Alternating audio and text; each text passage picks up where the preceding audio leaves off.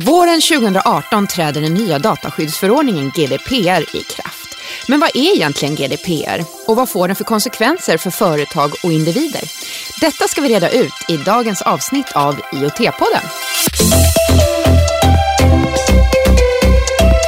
Hej, Lisa Reiler, kommunikationschef på Reilers. Vi tycker att IoT-podden är viktig för att den förmedlar de möjligheter IoT erbjuder. Det Telenor Connection jobbar med idag är att koppla upp produkten, men det som är utmaningen är att det saknas fortfarande kompetens. Jag heter Lina Gallov och jag jobbar på Elmia Subcontractor som är Sveriges största industrievent för inköpare och produktutvecklare inom tillverkningsindustrin. Vi stöttar IoT-podden för att i år breddar vi mässan och satsar extra på Internet of Things. Varmt välkomna till IoT-podden. Det här är en podcast som Ny Teknik ligger bakom. Jag heter Paulina Modlitba Söderlund och är programledare. Och bredvid mig så har jag som vanligt Fredrik Karlsson som är redaktör på Ny Teknik. Hur är läget Fredrik? Det är jättebra. Hur är det själv? Ja men det är jättebra. Vi har haft ett ganska långt uppehåll nu ett väldigt långt eh, sommarlov. Vi har ju inte helt bara eh, latat oss. Eller, eller du kanske har det? Nej, det har jag faktiskt inte gjort. Nej, jag misstänkte det. Men sist vi sågs var väl i Almedalen i juli? Just det. Då gjorde vi ju en eh, livepodd därifrån. Mm. Eh, som gjorde en intervju på scen i Almedalen. Just Men, det. Eh, och jag var inte med i sändning men jag satt i publiken och supportade lite grann. Ja, det var ju lite ombytta roller där. Det var det verkligen. Ja. Men nu är det som vanligt. Ja. Bra. Du, idag ska vi ju nörda ner oss riktigt mycket i GDPR, alltså den nya dataskyddsförordningen. Ja, det ska vi verkligen göra. Det har jag förstått att många önskar att vi gör. Ja. Och därför gör vi det. Exakt, för nu är det mindre än ett år kvar tills den träder i kraft. Den har initierats av EU och om man inte följer den så får det riktigt stora konsekvenser. Ja, eh, pengar brukar vara en bra incitament för folk eh, och företag framförallt för företag att göra saker. Antingen man kan tjäna mycket pengar eller förlora mycket pengar och i det här fallet handlar det om eh, förlora för bötesbeloppen som kan dömas ut om man inte sköter sig. De är väldigt höga har jag förstått. Ja, det har jag också förstått. Jag läste någonstans att ungefär 4% av den totala årsomsättningen får man punga ut med ifall man inte följer förordningen. Ja, och som någon påpekar så, så är det på eh, koncernens omsättning då. Så om man har ett litet svenskt eh, dotterbolag till en tysk industrikoncern eller någonting så är det hela koncernens omsättning om det, det lilla svenska dotterbolaget slarvar. Så, eh, ja, det, det är nog en del svenska vd och sådär kanske som sitter och darrar lite. För det, borde de ju verkligen, nej, det borde de verkligen göra. Ja. Men det är inte du och jag bara som ska sitta och prata om det här ämnet utan vi har ju två fantastiska gäster i dagens avsnitt. Ja, två personer som verkligen kan det här ämnet.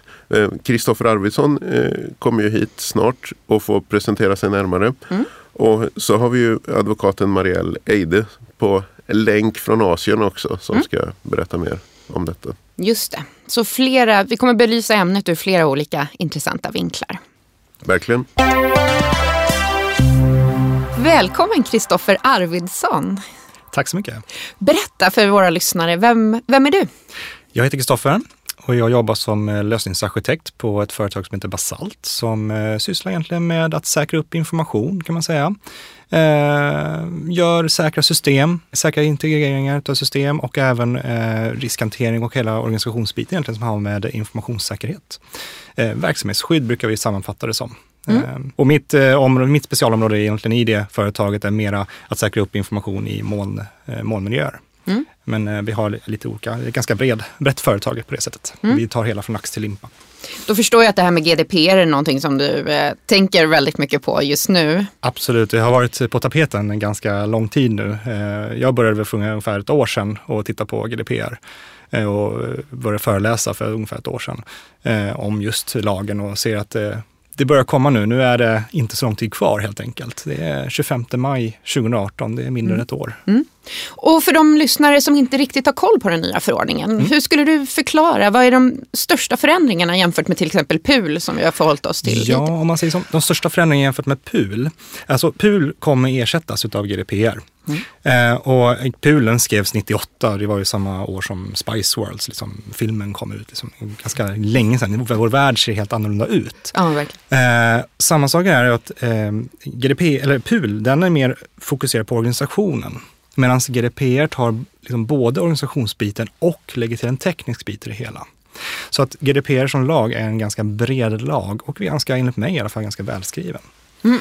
Och kan du förklara just den organisatoriska biten och den tekniska biten? Vad är de viktigaste delarna inom respektive område? där? De viktigaste delarna som jag känner till egentligen, det är att man behöver kontinuerligt dokumentera vad det är för information man har i sina system och hur man sparar den informationen. Så du måste gå igenom, alltså vad sparar du för information? Var någonstans sparar du och vem har access till den här informationen? För det är så att kanske inte alla ska ha access till den informationen på hela företaget. Dessutom måste du göra en riskvärdering hur stor är risken att den här informationen släpps ut, alltså att någon kommer åt den här informationen som inte ska ha informationen. Och det här måste man göra kontinuerligt. Eh, har man dessutom eh, mycket känslig information, då behöver man också kanske ha en personuppgiftsansvarig. Även om man är myndighet så behöver man ha det och så vidare. Och eh, personuppgiftsansvariga måste vara direkt underställd vdn. Så det är en liten, ganska stor organisationsförändring där, att mm. man behöver fundera på, okej, okay, dels behöver vi en personuppgiftsansvarig och hur ser de mandaten ut och hur ser det ut? Jämfört med den här organisationen som faktiskt måste finnas på plats när man går igenom vilken information har vi? Vilken riskbedömning har vi på de olika informationsbitarna vi har? Och det är ju bara det en ganska stor bit med organisationsförändring, att få in de här mandaten, få in de här rutinerna, få in de här grejerna. Så det är den största delen när det gäller organisationsbiten skulle jag säga. Men sen gäller det ju, när det gäller den tekniska biten, så har det ju mycket mer vad är känslig information? Mm. Idag så tänker man, framförallt i Sverige där vi egentligen har, allihopa har ju ett eget personligt unikt nummer, personnumret. Det är vi ganska unika i Sverige att ha. Men eh, vi har ändå, det är ju en uppenbar grej som är känslig. Samma sak som förnamn, efternamn och så vidare. Allt egentligen som kan identifiera en person.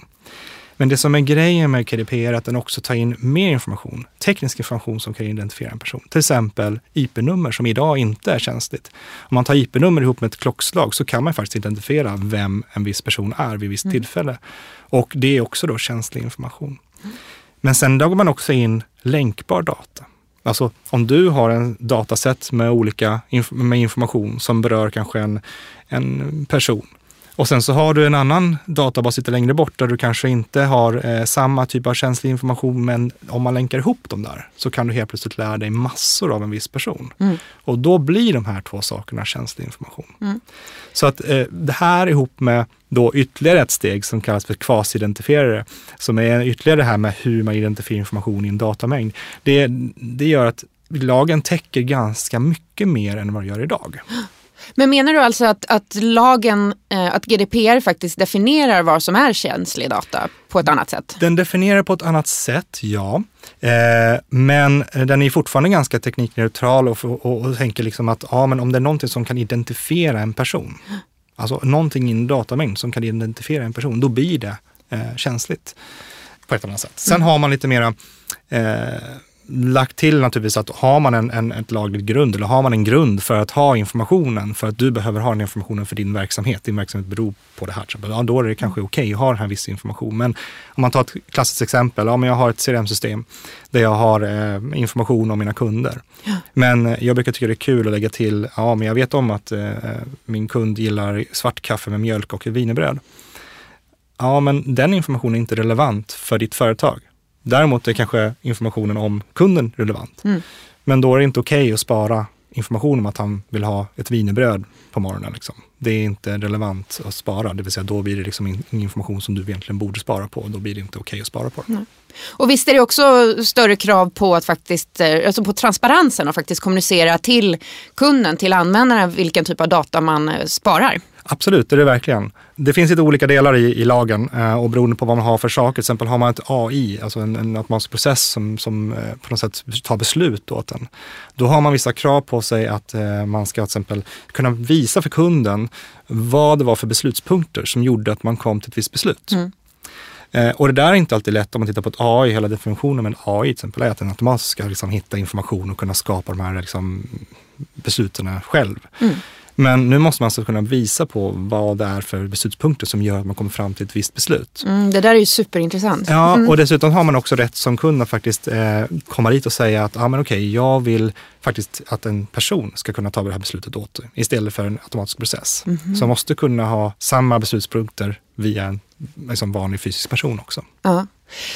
Jag kommer ju genast att tänka på liksom just balansgången där, att eh, hämma innovation och teknisk utveckling. Vad tror du? Vad är dina tankar där? Jag tror egentligen inte det, för vi lever i ett alltså vi har, har byggt upp ett samhälle där vi egentligen har Allting beror på att vi ska samla in så mycket information vi kan om alla vi, som besöker oss egentligen. Vi försöker samla upp all information vi kan för att sen kunna göra någon slags besluts, liksom göra någon slags strategi utav den här informationen. Um, det är bara att titta på alla hemsidor man besöker. Så fort du besöker en hemsida så har vi ätit ungefär liksom nästan vad du äter, ätit frukost. Mm. Och det är kanske inte riktigt okej. Men mm, jag tror inte det hämmar information. Däremot så kanske det styr in det på en liten annan väg än vad du har idag. Och det tror jag är ganska sunt och viktigt med tanke på att den här processen, alltså med all eh, automation och alla, alla ut, eh, uppfinningar som finns idag, det går så himla fort att vi hinner inte riktigt med. Vi har Nej. inte koll. Vad händer med min information som man faktiskt ger ut? Visste vi om att den här Iromba till exempel som vdn gick ut för bara ett par månader sedan och sa att ja, visst, vi har mappat upp alla dina hem hemma och skickar ut, nu säljer vi informationen. Visste vi om det till exempel? Vad hände med den informationen? Eh, Next. Är det dammsugaren Ja. som du pratar om? Ja, då? precis. Ja. Eh, de här, eh, de här som, Alexa, de här som spelar in automatiskt. Vad händer med den informationen som faktiskt kommer spelas in däremellan? Vi har inte riktigt koll med det där idag. Och det är där som EU-kommissionen säger, ah, men okej, vi måste faktiskt börja få kontroll på vår information. Vem är det som har tagit del av vår information? Och varför tar, alltså vad ska det användas till? För att jag kanske går med på en del, men jag går inte med på det andra. Oj, det är ju jättemånga företag som jobbar med Internet of Things. Det är ju hela grunden till Internet of Things att samla in information. Är det många företag som är rädda för detta nu då tror du? Jag tror det är en förändring bara utav vad för information man tar in. Man måste fundera, man måste börja fundera på vad, vilken information behöver jag egentligen? Och vad ska jag använda den till? Och det är väl det där som är grejen, man måste vara tydligare med det där. Man, de här EULAS som finns som är hur långa som helst, de, de, liksom, de fungerar inte längre. En annan person som har stenkoll på det här är Marielle Eide som är advokat på Delphi och som dagligdags har kontakt med företag som måste hantera de här frågorna. Jag tänkte vi skulle gå över till att prata lite med henne. Välkommen till IoT-podden Marielle Eide. Du ringer in från, direkt från Japan. Berätta. Ja, det stämmer bra. Jag har varit här nere på en eh, konferens eh, inriktad på artificiell intelligens en vecka. Ja, och vad gör du dagligdags? Var jobbar du någonstans? Jag jobbar på advokatfirman Delphi, eh, en eh, advokatbyrå som finns på flera ställen här i landet och jag jobbar i Göteborg. Eh, och jag jobbar särskilt inriktat mot IT-juridik och då bland annat med dataskydd och hur man får behandla personuppgifter. Just precis. Och det är ju därför du är gäst i den här i dagens podd som ju handlar om GDPR specifikt. Kan du inte berätta lite? Vad, vad är det dina kunder tampas med? Ja, alltså man kan säga så som det ser ut här i Sverige idag. Vi har ju en lag redan idag som gäller för man, hur man får hantera personuppgifter. Eh, PUL, eh, som kanske många har hört talas om. Eh, men det som vi har märkt är att väldigt, väldigt få företag ens har anpassat sig till de gamla reglerna. Eh, och de nya reglerna som vi har nu då, eh, de bygger på det gamla PUL-regelverket. Så det är steg ett är att faktiskt bara utbilda våra kunder i vad är det reglerna handlar om och när är det de gäller och bara skapa en grundläggande förståelse. Ehm, och det, när vi har gjort det, då tar vi nästa steg och börjar och faktiskt eh, ställa oss frågan, men hur ser det ut idag på företaget? Vilka personuppgifter hanterar man? Eh, varför har företaget de uppgifterna? Eh, får de ens ha dem? Och om de får det, vad behöver de då göra för att skydda uppgifterna på det sättet som krävs enligt lagen? Eh, Så det kan man säga. Vi brukar kalla det för eh, att man först gör något vi kallar för inventeringsfasen och sen implementeringsfasen för att anpassa sig till det nya regelverket. Och hur kommer det sig att företagen inte har anpassat sig till PUL överhuvudtaget? Är det att konsekvenserna inte har varit tillräckligt allvarliga tidigare? Absolut. Absolut är det så. Eh, det har inte hänt någonting om man har brutit mot PUL mer eller mindre. Eh, något enstaka fall. Men eh, ingenting har hänt och då har man som företag valt att lägga eh, ja, resurserna på annat helt enkelt. Vilket inte är så konstigt. Och det är det som lagstiftaren nu eh, vill komma åt. För hela lagstiftningen bygger på att skydda den personliga integriteten hos oss individer. Som är en grundläggande mänsklig rättighet som vi faktiskt har. Eh, och det är det som lagstiftningen ser till och ska värna om nu. Eh, och därför har man väldigt höga böter eh, för att avskräcka företag och organisationer eh, från att exploatera oss individer. Mm. Jag är mer nyfiken på om du går igenom vad de första viktiga stegen i implementeringen av detta är. Vad skulle du säga? Vad skulle du skriva högst upp på listan? Ja, jag skulle säga att det första viktiga att göra är faktiskt inventeringen. Eh, om man skulle börja där.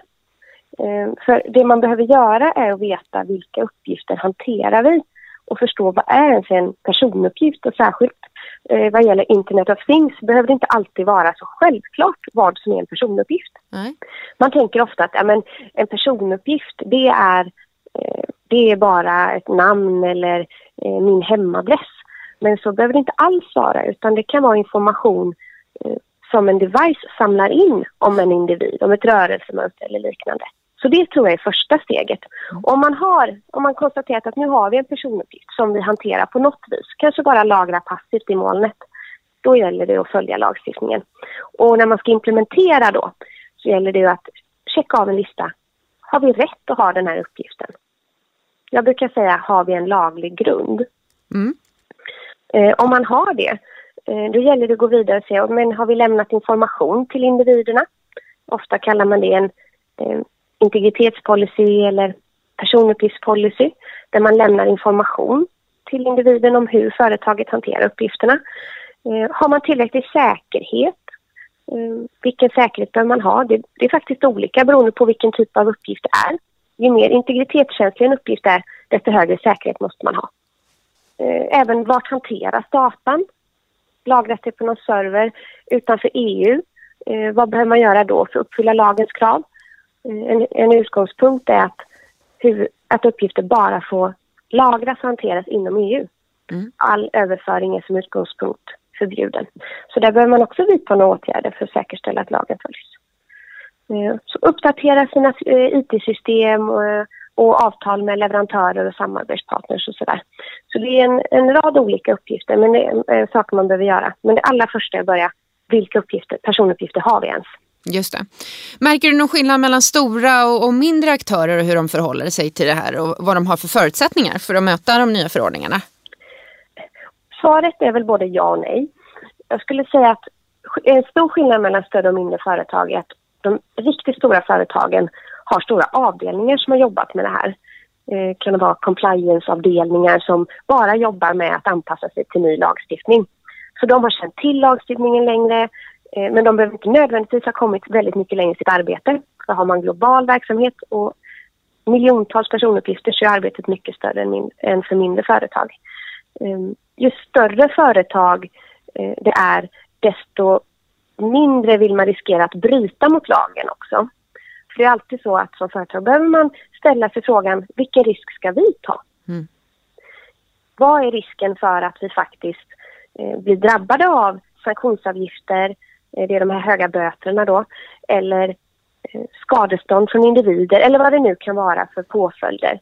Mm. Den risken är typiskt sett större ju större företag det är eller ju fler personuppgifter uppgifter om individer man hanterar. Mm. Så klart, ett litet företag som bara säljer business to business tar ju förmodligen en mycket mindre risk än stora företag med mycket personuppgifter.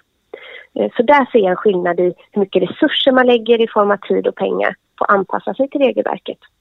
Du, ett område som jag vet att du tycker är väldigt spännande ur det här perspektivet och som jag vet att Fredrik, ett av Fredriks eh, favoritområden också, det är det med fordonsindustrin, uppkopplade bilar och självkörande bilar. Ja. vad, vad är det som är så spännande där just med datainsamling? Alltså, det som jag tycker är så, så häftigt med det är att den kommer samla in så otroligt mycket information om oss individer. Dels eh, i form av vart vi befinner oss någonstans. Eh, det finns massa, tas fram massa tjänster nu om matleverans till bilen och eh, ja, det är så otroligt mycket information som vi inte ens kanske hade tänkt att det här är en personuppgift. Vilket gör att det blir ganska snurrigt. Mm. Vad, vem hanterar uppgiften? Vem är ansvarig? För det måste man veta om man ska följa lagen. Är jag personuppgiftsansvarig, den som är ansvarig för att följa lagen, eh, eller inte? Annars så träffas man kanske inte ens av reglerna. Och i just fordonsbranschen, där har det historiskt varit så att eh, generalagenter, eh, fordonstillverkare och återförsäljare kanske har hanterat samma data om individer för olika ändamål eller för samma ändamål. Mm. Och det är det här som är ett eh, klurigt juridiskt område att bena ut. Eh, vem äger datan kan man säga? Eh, vem äger den? Vem ska göra vad? Hur informerar man individerna? Eh, vem är det ens som sitter i bilen? Det behöver inte alltid vara den som faktiskt äger bilen. Och hur informerar man den individen? Och så vidare. Många, många olika frågor aktualiseras. Får jag eh, skjuta in här då? Paulina sa ju att det var mitt favoritämne med självkörande bilar. Jag vet, det finns ju en parallell diskussion där om eh, Eh, vem som ska äga datan som eh, statens utredare för självkörande bilar håller på att titta på. Eh, är det någonting som komplicerar detta ytterligare då just när det gäller GDPR också? Ja, det skulle jag absolut säga att det gör. nu har inte jag satt mig in i den här aktuella utredningen. men ja, spontant är mitt svar ja. Jag, jag tänkte att vi ska avrunda samtalet. Jag tänker att eh, du befinner dig i Japan nu och eh, trendspanar lite där. Kan inte du berätta lite om vad du är mest exalterad kring när det gäller framtiden? Vad håller du ögonen på eh, lite extra? Absolut. Efter den här konferensen så håller jag ögonen öppna på artificiell intelligens och hur vi kan använda det och hur det kommer fungera rent juridiskt med ansvar när det är en dator som gör en stor del av jobbet och programvara. Eh, och hur det kommer bli just inom personuppgifter och hanteringen där. Det ser jag med spänning fram emot. Eh, det tror jag är något stort. Hur går diskussionen? Är det mer att man konstaterar att det inte riktigt finns några lösningar där än så länge eller börjar man närma sig någon slags, eh, något bra upplägg för, för just ansvarsbiten? Ja, det finns lite olika lagstiftning i olika länder och vi är inte riktigt där än. Det pågår utredningar för fullt hur man ska göra. Eh, och vem som ska ansvara. Så vi får se vad som händer inom det området. Säger alltså Marielle Eide, advokat på Delphi, som var med oss över telefon från Japan. Nu över till Kristoffer Arvidsson som ju är dagens gäst och är med oss här i studion. Kristoffer, om jag ställer samma fråga till dig gällande det här med implementering av GDPR, skulle ditt svar vara ungefär detsamma? Ja, jag tror att det första man ska börja med, vilka system har vi? Vad sparar vi för information? Vilka får access till den här informationen och vad är för riskvärdering på de här, eller riskhantering på de här eh, informationen som vi har? Det är det första steget. Spontant känns det ju som efter skandalen med Transportstyrelsen och sådär att organisationer och företag har ganska dålig koll på sådana här grejer. Fast egentligen, alltså, egentligen så gör de, tycker jag, enligt mig i alla fall, en ganska rätt eh, riskbedömning idag. Du har en, eh, på ledningsnivå så tar man en risk. Vad är risken att vi råkar ut för något eh, IT-säkerhetsincident? Ja, okej, okay, den är kanske ganska låg. Vad är, liksom, vad är kontentan om vi råkar ut för det? Vad innebär det? Ja, som vi tittar på Transportstyrelsen eller liknande, då tittar de på vad är PR-kostnaden? Mm. Lite grann, ja, riskbedömning. Vad kostar det? Ja, men det, man inser att den kontinuerliga IT-säkerheten kostar ganska mycket överlag. Att göra en var tionde år PR-kampanj som kostar x antal hundratusen eller vad det kan vara för någonting, det blir billigare. Så egentligen i grund och botten gör man en korrekt riskbedömning enligt mig i ledningsnivå. Men det är det som GDPR kommer in och säger, okej, okay, men nu måste vi förändra den här riskbedömningen, för nu lägger vi på en summa, en böter. 4 av omsättningen eller 20 miljoner euro. Det svider i flesta företag. Mm. Och då kanske den här riskbedömningen förändras lite grann om man tänker okej, okay, det kanske är värt att lägga lite mer pengar på den här säkerhets, eh, IT-säkerheten och informationssäkerheten i vårt företag. Och är det någon skillnad, jag tänker på mindre företag som kanske känner att de inte har resurser, de resurser som de behöver för att betala jurister och så vidare för att verkligen sätta sig in i vad som behövs göras och hur. Har du något tips där? Fast det är samma sak där också egentligen. Börja med att titta på vilken information har du i dina system? Vilken information behöver du spara på? Och när man vet det, då kan man ju börja titta på Ja, men har man jättemycket tjänsteinformation, du kan ju vara en enmansbolag och ha kanske jättemånga miljoner information om miljoner människor. Ja, då behöver du ha en personuppgiftsansvarig, men då har du förmodligen en ganska bra budget också om du har så mycket information. Mm. Är du en vanlig eh, medelföretagare som inte, då har du oftast inte behöver, behöver inte fundera så mycket mer än att du dokumenterar, gör det regelbundet, har någon rutin på att göra det regelbundet och kanske då eh, titta på vilken information sparar du faktiskt i dina system. Mm. Eh, ja, det är väl enklast att börja där. Mm. Och nästa steg då, vad, vad kommer efter det? Efter, eh, efter man gör den biten, Mm, själva organisatoriska biten och kolla igenom hur data flödar och så vidare. då får man titta på vad är det för information? Behöver vi ha all den här informationen verkligen? Behöver jag verkligen spara den här på, i 15 olika system eller räcker det med ett system? Vilka får access till det här systemet och så vidare. Ehm, sen får man naturligtvis titta på, beroende på vad man har för datamängd, behöver det här eh, anonymiseras kanske? Eh, har vi rätt rutiner för att kunna hantera de här grejerna med att man har rätten att bli glömd? Man har rätten att ta ut information, allt information som du vet om den personen. Eh, du har rätten att ändra och korrigera data. Eh, jag byggde ett bokföringssystem för länge sedan och då, då var det till exempel att man hade kopplat, kopplat med personnumret mot eh, fakturan som sen genereras. Och ändrar man någonting personuppgifter så ändrades också historiska fakturor. Och det är ju inte så himla smidigt. Sådana system, får man, sådana kopplingar, hårda kopplingar får man inte göra eh, om man ska ha rätten att bli glömd. Däremot har du rätt att spara information om du har enligt lag, till exempel i bokföringslagen. Då. Då, men då är det bara den informationen som liksom är det som står i lagen. Så det, det, det, det finns en del eh, saker man behöver göra, men jag tror det första viktigaste är det att börja med organisationsdelen, så man faktiskt får en rutin på att ja, men en gång i, vad kan det vara, en gång i månaden så träffas man kanske.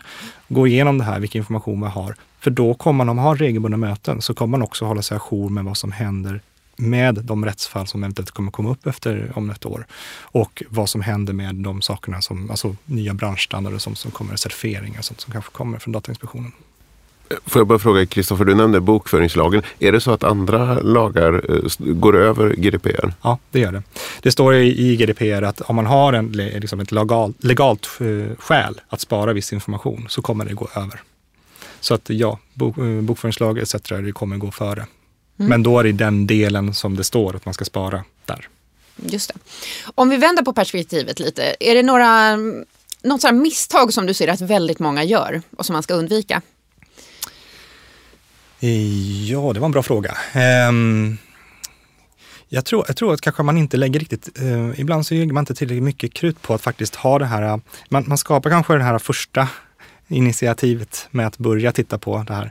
Men sen så, eh, sen så är det risk att det, liksom, det försvinner eftersom man har inte prioriterat upp det här. Man har inte resurser och mandat för att kunna fortsätta med det här arbetet. Och det, det är lite farligt, då måste man se att det verkligen görs. För det är faktiskt står att det ska vara kontinuerligt arbete i lagen. Så där måste man eh, ha koll på det, att det faktiskt fortsätter och att man har de som håller på med det faktiskt har mandatet. Det låter väldigt så här, både svårt och tidsödande att eh, ta hand om detta. Men jag skulle bli lite rädd nu om jag var småföretagare. Vem man var det tycker du? Jag tycker egentligen inte, man, man, bör, man, man bör ta det allvarligt. Det är, en, eh, det är en lag. Och det är precis som att köra mot rött eller ja, ta koll på någon ute på stan. Liksom. Det man ska känna till lagen och man ska följa lagen, tycker jag i alla fall. Ehm, så det är klart att man måste, liksom, man måste göra någon action, man måste göra någonting. Och det är väl det som är grejen att i, när man har tidigare kunnat sopa IT, informationsskydd, liksom, eller informationssäkerhet liksom under mattan lite grann, så måste man faktiskt nu ta upp det här. Och det kan ju vara lite obekvämt när man helt plötsligt inser att oj, eh, jag får faktiskt koll på informationen jag hade. Oj, jag hade kanske inte så bra IT-säkerhet. Eller vad det nu kan vara för någonting. Men att inte göra någonting, det tror jag är det värsta man kan göra. Och nu har vi mindre än ett år på oss. Apropå det här med hur redo bolagen är att faktiskt implementera det här så läste jag på Ny Tekniks hemsida att eh, en undersökning från IT-bolaget Compuware som visar att 38 procent av företagen som var, de, de frågade 400 olika IT-direktörer i europeiska och amerikanska bolag om detta. Så det var bara 38 procent av företagen som sa att de var redo för att implementera det. Det känns väldigt lågt. Det är väldigt lågt och man ser ju också när jag, jag började prata om eh, GDPR för runt ett år sedan ungefär. Och, Ehm, man märker att det var, det var ganska få som pratade om det när jag började. Det var ju först efter till våren egentligen det här året som, som det började komma upp mer och mer och folk började bli lite mer liksom uppmärksammade på att faktiskt den lagen kommer snart. För att organisationsförändringen går ju inte på en kvart, det vet alla som håller på med det. Det tar ganska lång tid. Man ser lite incitament här och var, det gör man fort nu, men man ser fortfarande att det är väldigt stor kunskap. Man ser väl fortfarande väldigt få som verkligen har satt igång och börjat med det här arbetet. Och nu har man mindre än ett år på sig. Ehm, ja, jag kan hålla med om att det är lite oroväckande att så få har börjat med det. Och man tänker på att det är en EU-lag, det är inte bara Sverige det gäller, det gäller hela EU. Precis. Tror du till och med att det kommer behöva vara så att det är några bolag som åker dit för att företag ska fatta? Alltså det, det jag tror, personligen det jag tror kommer hända det är ju det att den 26 eller vad det är från dagen efter. Och då kommer väl ligga en bunta med stämningar förmodligen på vissa, för vissa bolag. Mm. Det som förmodligen kommer hända är att uh, juristerna kommer väl ta ut x antal sådana, sådana som, så många de kan klara av på ett år eh, och titta på de som är mest intressanta för att göra prejudicerande fall. Um, och det är väl där någonstans också man får se var gränserna verkligen går i den här um, lagen. För det finns några gråzoner som man funderar lite grann på. Så det är väl först då som man börjar se vad är det egentligen som kommer ske och då kommer det vara mer klart för alla företag också vad som egentligen gäller i deras bransch. Um, så det är klart att det, det, det, kommer vara några som åker dit. Jag hoppas ju på att de prejudicerande fallen som sker är också för företag som faktiskt, alltså intressanta fall, inte bara man tar den här stora Facebook och sånt bara för att de har ganska mycket register och de har ganska mycket liksom. Men det intressanta är ju de här, just som du säger, de här mindre bolagen och de här mm. lite mer liksom specifika fallen. Hur, hur är det egentligen idag? Mm. Så vi, vi, får se vad de, vad de kommer fram till mm. eh, när det kommer. Kristoffer, jag skulle bara vilja fråga här. Om vi kommer tillbaka till det som Paulina frågade innan om att man eh, innovationer riskerar att bromsas upp. Det här är ju en IoT-podd. Vi pratar om Internet of Things och alla fördelar eh, när saker kopplas upp. Och det är ju faktiskt det det handlar om, att man kopplar upp saker. Och då undrar jag ändå, är det inte en risk att hela utvecklingen bromsas upp när eh, vi nu pratar om GDPR och alla risker? Ja, fast jag, tror, jag tror egentligen inte det som är grejen med, om man tittar på IoT och Internet of Things-delen, är ju snarare det att man måste fundera på vilken information sparar in. Har jag gett ett klart samtycke, har fått ett klart samtycke från användaren att faktiskt spela, eller spara in den här informationen? Och hur ser jag till att den informationen som man faktiskt sparar in blir säkrad? Det vill säga informationssäkerheten från det att jag får in den här informationen till faktiskt att spara den här informationen. Eh, så egentligen så behöver det inte vara eh, någonting som egentligen är negativt för IoT, tycker jag. Det handlar bara om att man måste lägga lite mer fokus på informationssäkerheten och tydligheten mot användarna. Till exempel här som vi pratade om med dammsugarna då. Visste man om det? Nej, det, då är det inte okej okay att göra det. Jag tycker inte det är okej okay att någon spelar in information om mig utan att jag vet om det. Mm. Uh, och det borde inte någon tycka är okej okay egentligen. Sen om man tycker det är okej och man har fått godkänt för om man har godkänt det, ja men fine, men då har man gjort ett medvetet val. Så att det handlar mer om att vara tydlig och tänka på informationssäkerheten. Just det. Och där finns det företag som hjälper till. Jag tänkte vi skulle avrunda lite med att lyfta blicken bort från GDPR specifikt och bara, jag är lite nyfiken på om du blickar in i framtiden. Vad är du, från ditt perspektiv och ditt jobb, vad är du mest exalterad kring? Vad ser du fram emot kommer hända? Alltså jag, jag är ju en, eh, på många sätt visionär i, i vad jag tycker. Jag ligger långt fram i, i läser nästan varenda tidning om, om uh, ny teknik och så vidare. Alltså teknik, tekniska framsprång och så vidare. Så jag ser en framtid som jag ser med, alltså väldigt häftig. Mm. Om man tittar på det var idag, så har vi ju liksom, vi lever ju i det som var science fiction för 20 år sedan. Det går enormt fort. Det som är grejen är att det går, det går mycket fortare varje dag egentligen. Man mm. ser inte alla de här grejerna som sker bakom händerna. AI till exempel som kommer nu med på, på, på frammarsch.